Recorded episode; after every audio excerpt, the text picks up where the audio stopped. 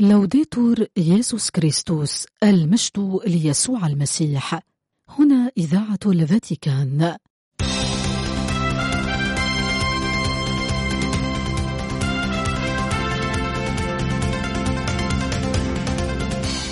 مستمعين الأحباء تحية طيبة من القسم العربي في إذاعة الفاتيكان.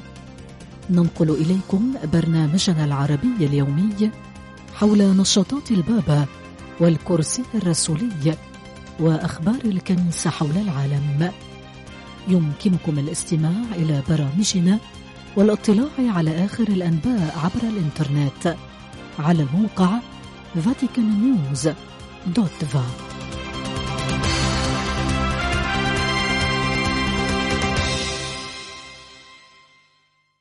بمناسبة اليوم العالمي العاشر للصلاة والتأمل من أجل مكافحة الإتجار بالبشر وجه البابا فرانسيس رسالة تحت عنوان السير من أجل الكرامة الإصغاء والحلم والعمل.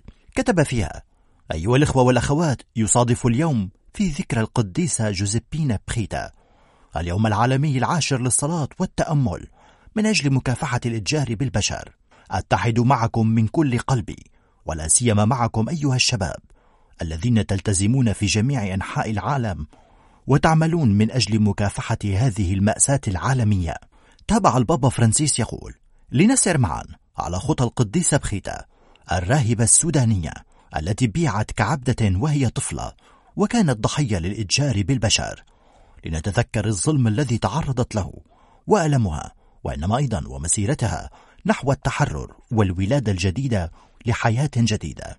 إن القديسة بخيتة تشجعنا لكي نفتح عيوننا وآذاننا لكي نرى الأشخاص الذين لا يراهم أحد ونصغي إلى الذين لا صوت لهم ونعترف بكرامة كل فرد ونعمل من أجل مكافحة الإتجار بالبشر وجميع أشكال الاستغلال.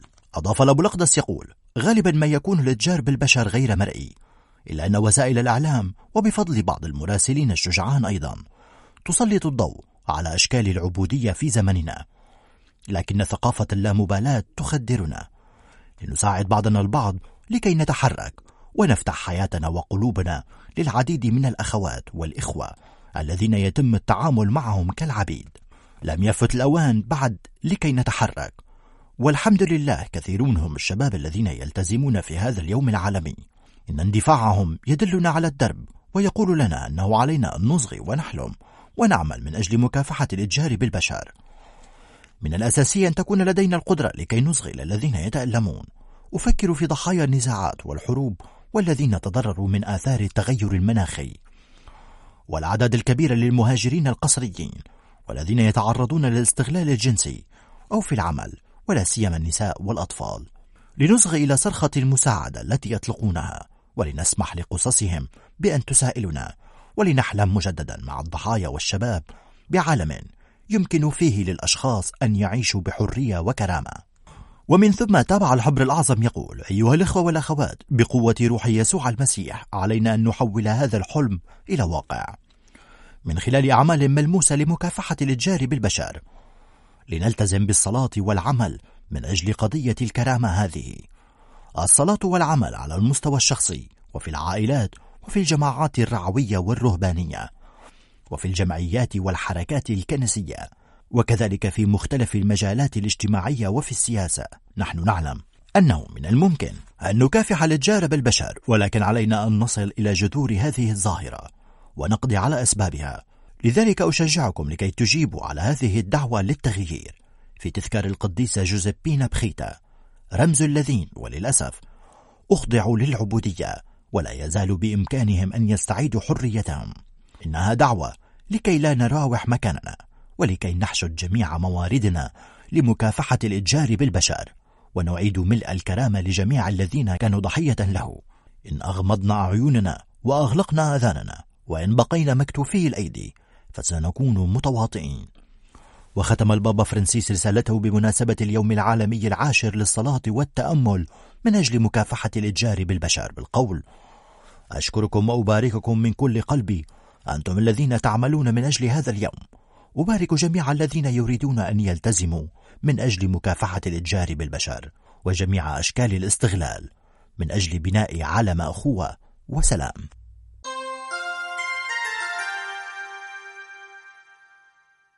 التقى البابا فرانسيس صباح اليوم في قاعة بولس السادس في الفاتيكان المشاركين في المؤتمر الدولي حول التنشئة المستمرة للكهنة الذي بدأ أعماله في السادس من شباط فبراير ويستمر حتى العاشر من الشهر. وعقب ترحيبه بالجميع شكر الأب الأقدس الأعداد الكبيرة من الكهنة القادمين من مناطق العالم المختلفة كما وشكر البابا الجميع على ما يقومون به من عمل في بلدانهم وأبرشياتهم وأشار قداسته أيضا إلى إسهامهم في الاستطلاع الذي كان قد تم إرساله إلى مجالس الأساقفة في العالم والذي انطلق هذا المؤتمر من نتائجه. تحدث قداسة البابا بعد ذلك عن أن المشاركين في المؤتمر لديهم خلال أيام هذا اللقاء نعمة تقاسم الممارسات الجيدة ومناقشة التحديات والمشاكل والتأمل في مستقبل تنشئة الكهنة في تغير الحقبة الذي نعيشه. وتحدث الأب الأقدس عن السير قدما باحثين عن أدوات ولغات تساعد التنشئة الكهنوتية ودعا البابا المشاركين إلى الإصغاء أحدهم إلى الآخر وإلى الاستلهام من الدعوة التي وجهها القديس بولس الرسول إلى تيموتاوس والتي اختيرت محور المؤتمر أي أن تذكي هبة الله التي فيك. ولتزكية الهبة التي نلناها هناك ثلاثة طرق أراد البابا فرانسيس أن يحدث الكهنة المشاركين في المؤتمر عنها وهي حسب ما ذكر قداسته فرح الإنجيل الانتماء إلى الشعب والخدمة المولدة للحياة.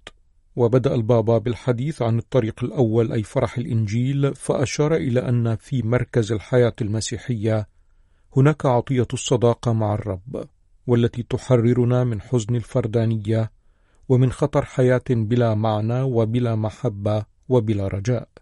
وتبع الأب الأقدس أن فرح الإنجيل النبأ السار الذي يرافقنا هو أن الله يحبنا بحنان ورحمة.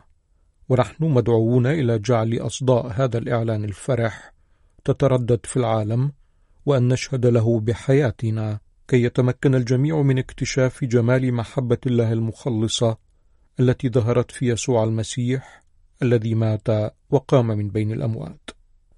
هذا وأراد البابا فرانسيس التذكير هنا بما قال البابا القديس بولس السادس أي كونوا شهودا قبل أن تكونوا معلمين. شهودا لمحبة الله تابع الأب الأقدس. ووصل البابا فرانسيس مشيرا إلى أننا هنا نجد قوة التنشئة المستمرة. لا فقط للكهنة بل لكل مسيحي.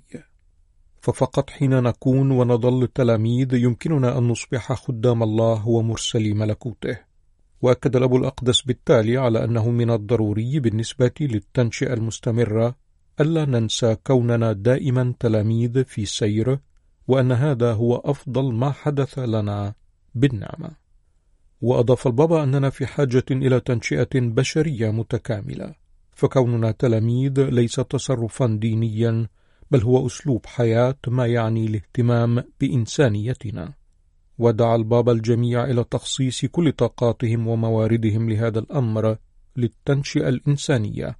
وتحدث عن الحاجة إلى كهنة قادرين على إقامة علاقات جيدة ويتمتعون بالنضج أمام تحديات الخدمة وذلك لأن عزاء الإنجيل يصل إلى الشعب من خلال إنسانيتهم التي بدلها روح يسوع. ودعا البابا هنا إلى عدم نسيان قوة الإنجيل المؤنسنة. وفي حديثه عن الطريق الثاني الانتماء إلى شعب الله شدد البابا فرانسيس على أنه ليس بالإمكان أن نكون تلاميذ مرسلين إلا معا. وأضاف أن بإمكاننا أن نعيش الخدمة بشكل جيد فقط حين نكون منغمسين في الشعب الكهنوتي الذي نأتي نحن أيضا منه ويعني هذا الانتماء عدم الشعور أبدا بأنفسنا وكأننا منفصلون عن مسيرة شعب الله. وللبقاء منغمسين في واقع الشعب يجب عدم النظر إلى التنشئة الكهنوتية وكأنها منفصلة بل أن بإمكانها الاستفادة من إسهام شعب الله الكهنة والمؤمنين العلمانيين الرجال والنساء المتزوجين وغير المتزوجين المسنين والشباب دون نسيان الفقراء والمتألمين الذين لديهم الكثير مما يمكن أن يعلمونا. وأضاف أن هذا يتطلب منا تواضع تعلم السير معا جاعلين من السينودوسية أسلوب الحياة المسيحية والحياة الكهنوتية. ثم انتقل البابا فرانسيس إلى الحديث عن الطريق الثالث من أجل أن نذكي الهبة أي الخدمة التي تولد الحياة. وتوقف في هذا السياق عند الخدمة باعتبارها ما يميز خدام المسيح. وتبع الأب الأقدس أن التنشئة من وجهة النظر هذه لا تعني نقل التعليم بل تصبح القدرة على جعل الآخر في المركز لإبراز ما لديه من جمال وما يحمل في داخله من خير. وعلى تسليط الضوء على مواهبه وأيضا ضلاله جراحه وأمنياته. وهكذا فإن تنشئة الكهنة تعني خدمتهم وخدمة حياتهم ومرافقتهم في الصعاب ودعمهم في التحديات الرعوية ووصل البابا فرانسيس أن الكاهن حين تتم تنشئته بهذا الشكل يضع نفسه بدوره في خدمة شعب الله ويكون قريبا من الناس ويحمل على عاتقه الجميع كما فعل يسوع على الصليب. لقد ولد الله من خلال الصليب شعبا جديدا ونحن أيضا حين نضع أنفسنا في خدمة الآخرين نلد حياة الله. هذا هو جوهر العمل الرعوي المولد قال البابا.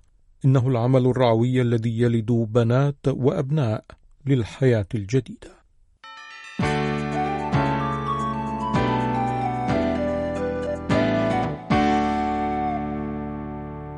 استقبل البابا فرانسيس صباح اليوم الخميس في الفاتيكان المشاركين في أعمال الجمعية العامة للدائرة الفاتيكانية للعبادة الإلهية وتنظيم الأسرار.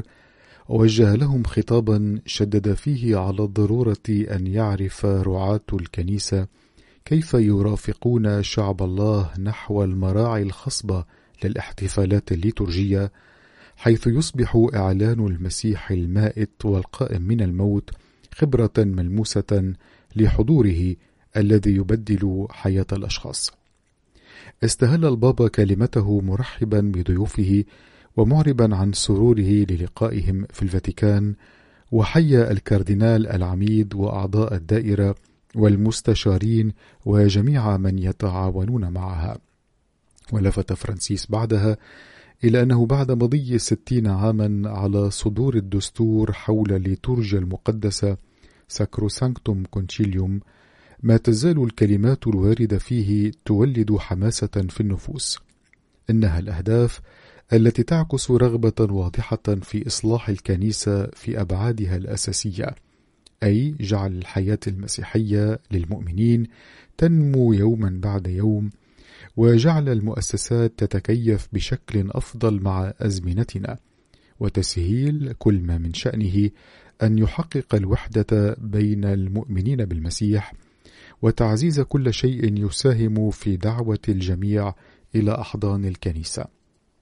ولفت البابا إلى أن هذا هو عبارة عن عمل من التجدد الروحي والرعوي والمسكوني والإرسالي. وقد أدرك جيدا آباء المجمع من أين ينبغي أن ينطلقوا أي من إصلاح وتعزيز الليتورجيا لأنه بدون إصلاح الليتورجيا لن يتحقق إصلاح الكنيسة. بعدها شاء الحبر الأعظم أن يسلط الضوء على ضرورة فهم الليتورجيا من وجهة النظر اللاهوتية موضحا أن الكنيسة التي لا تشعر بشغف النمو الروحي ولا تسعى إلى تكلم لغة مفهومة مع أناس زمنها ولا تشعر بالألم حيال انقسام المسيحيين ولا تحركها الرغبة الشديدة في إعلان المسيح على الأمم. هي كنيسة مريضة. وأشار فرانسيس في هذا السياق إلى ضرورة أن تنتمي الكنيسة بالكامل إلى المسيح كي تتماهى معه تماما. وقال إنه بدون اللقاء المتجدد مع الرب لا يمكن أن يوجد إصلاح في الكنيسة. من هذا المنطلق شاء آباء المجمع أن يضعوا ليتورجيا في المحور لأنها بامتياز المكان حيث يلتقي المؤمنون بالمسيح الحي. وذكر بأن الهدف من إصلاح الليتورجيا في إطار تجديد الكنيسة يكمن في تفعيل تنشئة المؤمنين وتعزيز العمل الرعوي لتكون الليتورجيا المقدسة ذروته ومصدره. في هذا السياق أكد البابا أنه من الأهمية بمكان أن تقوم تنشئة ليتورجية والتي تشكل في هذه الأيام محور نقاشات الجمعية العامة للدائرة الفاتيكانية للعبادة الإلهية وتنظيم الأسرار. وقال إن الأمر لا يمكن أن يقتصر على نشاط عدد قليل من الخبراء بل ينبغي أن يشمل شعب الله كله. لذا لابد من إعطاء الأولوية لتنشئة الأشخاص المكرسين الذين يقودون المؤمنين نحو معرفة الأسرار المقدسة. وشجع فرانسيس ضيوفه على متابعة التزامهم في هذا المجال كي يعرف الرعاة كيف يرافقون شعب الله نحو المراعي الخصبة للاحتفالات الليتورجية حيث يصبح إعلان المسيح المائت والقائم من الموت خبرة ملموسة لحضوره الذي يبدل حياة الأشخاص. ولفت في هذا السياق إلى ضرورة قيام تعاون بين مختلف الدوائر الفاتيكانية لا سيما مع دائرة الثقافة والتربية ودائرة الإكليروس ودائرة معاهد الحياة المكرسة وجمعيات الحياة الرسولية كي تقدم كل دائرة إسهامها في هذا المجال. لم تخلو كلمات البابا من الإشارة إلى أهمية مسارات التنشئة الموجهة لشعب الله بالإضافة طبعا إلى تلك الموجهة إلى خدام الكنيسة. وقال إن هذه المسارات تشكل أول فرصة ملموسة للتنشئة الليتورجية، ناهيك عن مناسبات أخرى تفسح المجال أمام الأشخاص للمشاركة في الاحتفالات والتحضير لها. وأضاف أن فكره يتجه نحو الاحتفال بأعياد القديسين وباقي الأسرار المسيحية، والتي وإذا تم الإعداد لها باهتمام رعوي تشكل فرصة ملائمة لإعادة اكتشاف معنى الاحتفال بسر الخلاص والتعمق فيه. هذا ثم توقف البابا فرانسيس عند كلمات الرب يسوع لتلميذيه: اذهبا وأعدا لنا الفصح، وأكد أن هذه العبارات التي تلهم تأملاتنا في هذه الأيام تعكس رغبة الرب في أن نجتمع حول المائدة نفسها مائدة جسده ودمه. ومن الأهمية بمكان أن تصلنا هذه الدعوة كاستجداء محب. أن نلتزم في التنشئة الليتورجية يعني الاستجابة لهذه الدعوة كي نتمكن من أكل الفصح ومن أن نعيش وجودا فصحيا شخصيا وجماعيا. في ختام كلمته إلى المشاركين في أعمال الجمعية العامة للدائرة الفاتيكانية للعبادة الإلهية وتنظيم الأسرار قال البابا لضيوفه إن الواجب الذي يقومون به عظيم وجميل في الآن معا لكونهم يسعون إلى جعل شعب الله يعي ويفرح باللقاء مع الرب من خلال الاحتفال بالأسرار المقدسة وبواسطة هذا اللقاء ينال الحياة باسمه. بعدها شكر فرانسيس ضيوفه على التزامهم ومنحهم بركته الرسولية وطالبا منهم أن يصلوا من أجله.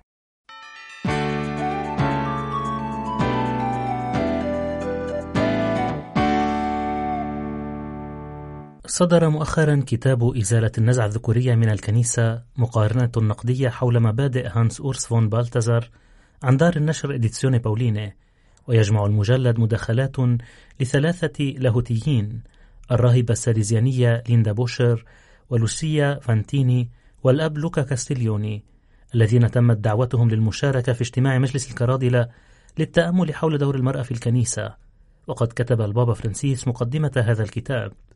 كتب الأب الأقدس إن حضور النساء ومساهمتهن في حياة الجماعة الكنسية ونموها من خلال الصلاة والتأمل والعمل هما حقيقتان تغنيان الكنيسة على الدوام لا بل تشكلان أيضا هويتها.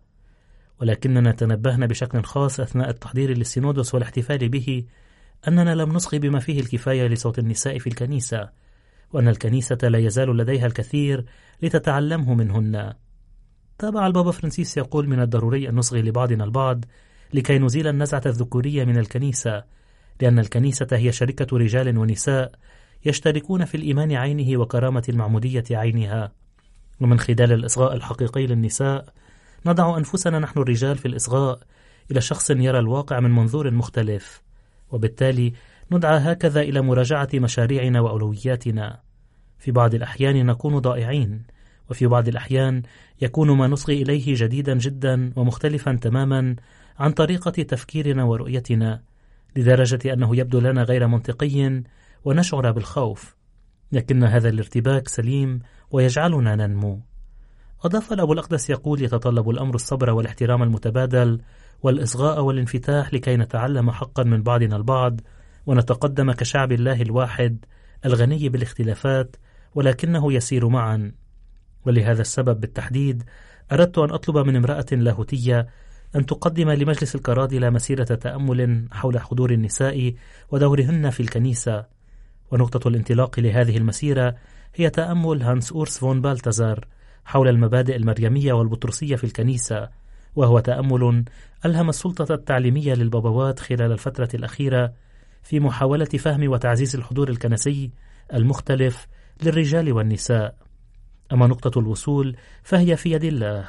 لنصلي إذن إلى الروح القدس لكي ينيرنا ويساعدنا لكي نفهم ونجد لغة وفكرا فعالين لمخاطبة نساء ورجال اليوم في الكنيسة وفي العالم لكي ينمو الوعي بالمبادلة وممارسة التعاون بين الرجال والنساء.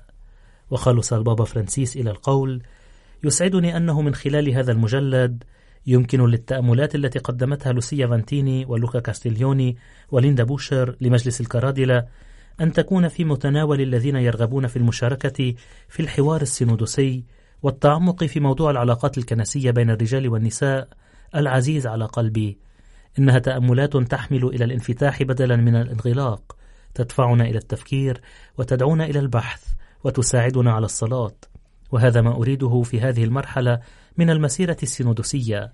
ألا نتعب أبدا من السير معا لأننا فقط عندما نسير نكون ما يجب أن نكون عليه الجسد الحي للقائم من بين الأموات الذي يتحرك ويخرج ويلتقي بالإخوة والأخوات بدون خوف على دروب العالم.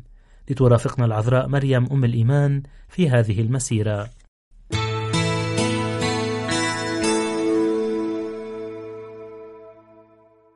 إلى العديد من الكهنة الذين يبذلون حياتهم يوميا ويكرسون أنفسهم لقضية الإنجيل وغالبا في صمت البذرة المتواضعة والصبورة وأحيانا في العزلة المؤلمة لعدم الفهم. عبر عن امتنانه أمين سر دولة حضيرة الفاتيكان الكاردينال بيترو بارولين في القداس الإلهي الذي ترأسه في بازيليك القديس بطرس في الفاتيكان بمناسبة افتتاح المؤتمر الدولي حول التنشئة المستمرة للكهنة. اللقاء الذي سيختتم يوم السبت العاشر من شباط الجاري والذي تنظمه دائرة الإكليروس بالتعاون مع دائرة البشارة قسم البشارة الأولى والكنائس الخاصة الجديدة ودائرة الكنائس الشرقية. وفي عظته أشار الكاردينال بارولين إلى أن العديد من الكهنة في بعض السياقات يشعرون حتى باللامبالاة أو بعداء الاضطهاد لكنهم يحملون دائما في قلوبهم دهشة الإيمان الذي يتجدد كل يوم من مصدر محبة المسيح لكي يتدفق بعد ذلك وينتشر كالماء الحي في ممارسة الخدمة الرعوية. وأكد أمين سر دولة حاضرة الفاتيكان أن الكاهن هو تلميذ انطلق في اتباع الرب وبعد أن قبل دعوته بفرح يغوص في تاريخ شعب الله كشفيع له ويرافق الذين أوكلوا إليه فيصبح لهم إنجيلا حيا وعلامة وأداة لمحبة الآب الرحيمة وليس من قبيل الصدفة أن وثيقة التنشئة الكهنوتية قال الكاردينال بارولين تؤكد أن الكاهن هو تلميذ في مسيرة وفي الوقت عينه مرسل وشاهد للإنجيل. وفي هذا الصدد شدد الكاردينال بارولين على الحاجة لكهنة إذ يسيرون على خطى الراعي الصالح في وحدة مع الأسقف ومع بعضهم البعض يبذلون حياتهم لخدمة إيمان الإخوة وسعيهم. وأضاف أن الكهنة إذ يتحدون بالمسيح هم مدعوون لكي يعيشوا مثله. أي لكي لا يفتخروا بامتياز الدعوة والدور الذي نالوه وإنما لكي ينزلوا في قلب البشرية الجريحة والمضطهدة والمعوزة للخلاص. وإذ يتشفعون لدى الآب من أجل الشعب يرفعون أيديهم نحو السماء وفي الوقت عينه ينحنون إلى الأرض لكي يغسلوا أقدام الإخوة ويعلن لهم الكلمة التي تخلصهم ويكسرون لهم خبز الحياة الأبدية يرافقونهم ويرشدوهم في مسيرتهم. بعدها ذكر الكاردينال بارولين بكلمة البابا فرانسيس أمام الكهنة الحاضرين في كاتدرائية القديسة تريزيا في جوبا في الرابع من شباط فبراير عام 2023 خلال زيارته الرسولية إلى جنوب السودان. يجب أن يكون اختصاص الرعاة السير في الوسط في وسط المعاناة وسط الدموع وسط الجوع إلى الله والعطش إلى محبة الإخوة. وهذه ليست مهمة بسيطة لذلك لا ينبغي أن ننسى أبدا أن الكهنة هم بشر أيضا بهشاشتهم وتعبهم ومخاوفهم والتحديات القديمة والجديدة التي تضغط على خدمتهم. ولهذا السبب قال أمين سر دولة حضيرة الفاتيكان إن هناك حاجة إلى تجديد الالتزام بحماس من أجل تنشئة مستمرة تقوم أولا على العناية بالعلاقات الشخصية مع الرب والتي هي دائما مسيرة في شركة. وأضاف أنه في الواقع في صلاة سليمان الاحتفالية المأخوذة من سفر الملوك الأول يمكن للملك أن يشفع لدى الشعب لأنه يرفع يديه إلى الله ويعترف به رب السماء والأرض. وبالطريقة عينها يوصي يسوع في إنجيل مرقس بالذهاب إلى ما هو أبعد من التدين الخارجي لكي يكون هناك رابط متماسك وتوافق حميم بين الشفاه والقلب أي بين العبادة التي نعلنها وما نحفظه حقا في داخلنا. إنها دعوة للتغلب على تجربة التدين الذي خلف اللباس والدور الذي نلعبه لا يهتم بالعلاقات الحقيقية مع الرب والقبول الحقيقي للإنجيل. وفي الختام إذ ذكر بموضوع المؤتمر أنبهك على أن تذكي هبة الله التي فيك. أوضح الكاردينال بارولين كيف شجع الرسول بولس بهذه الكلمات. الشاب تيموثاوس لكي لا يستسلم أمام عبء التناقضات والتحديات الملحة في سياق كنسي واجتماعي صعب ويحثه على أن يحيي جمال وحيوية نعمة الله التي نالها كعطية في يوم تكرسه.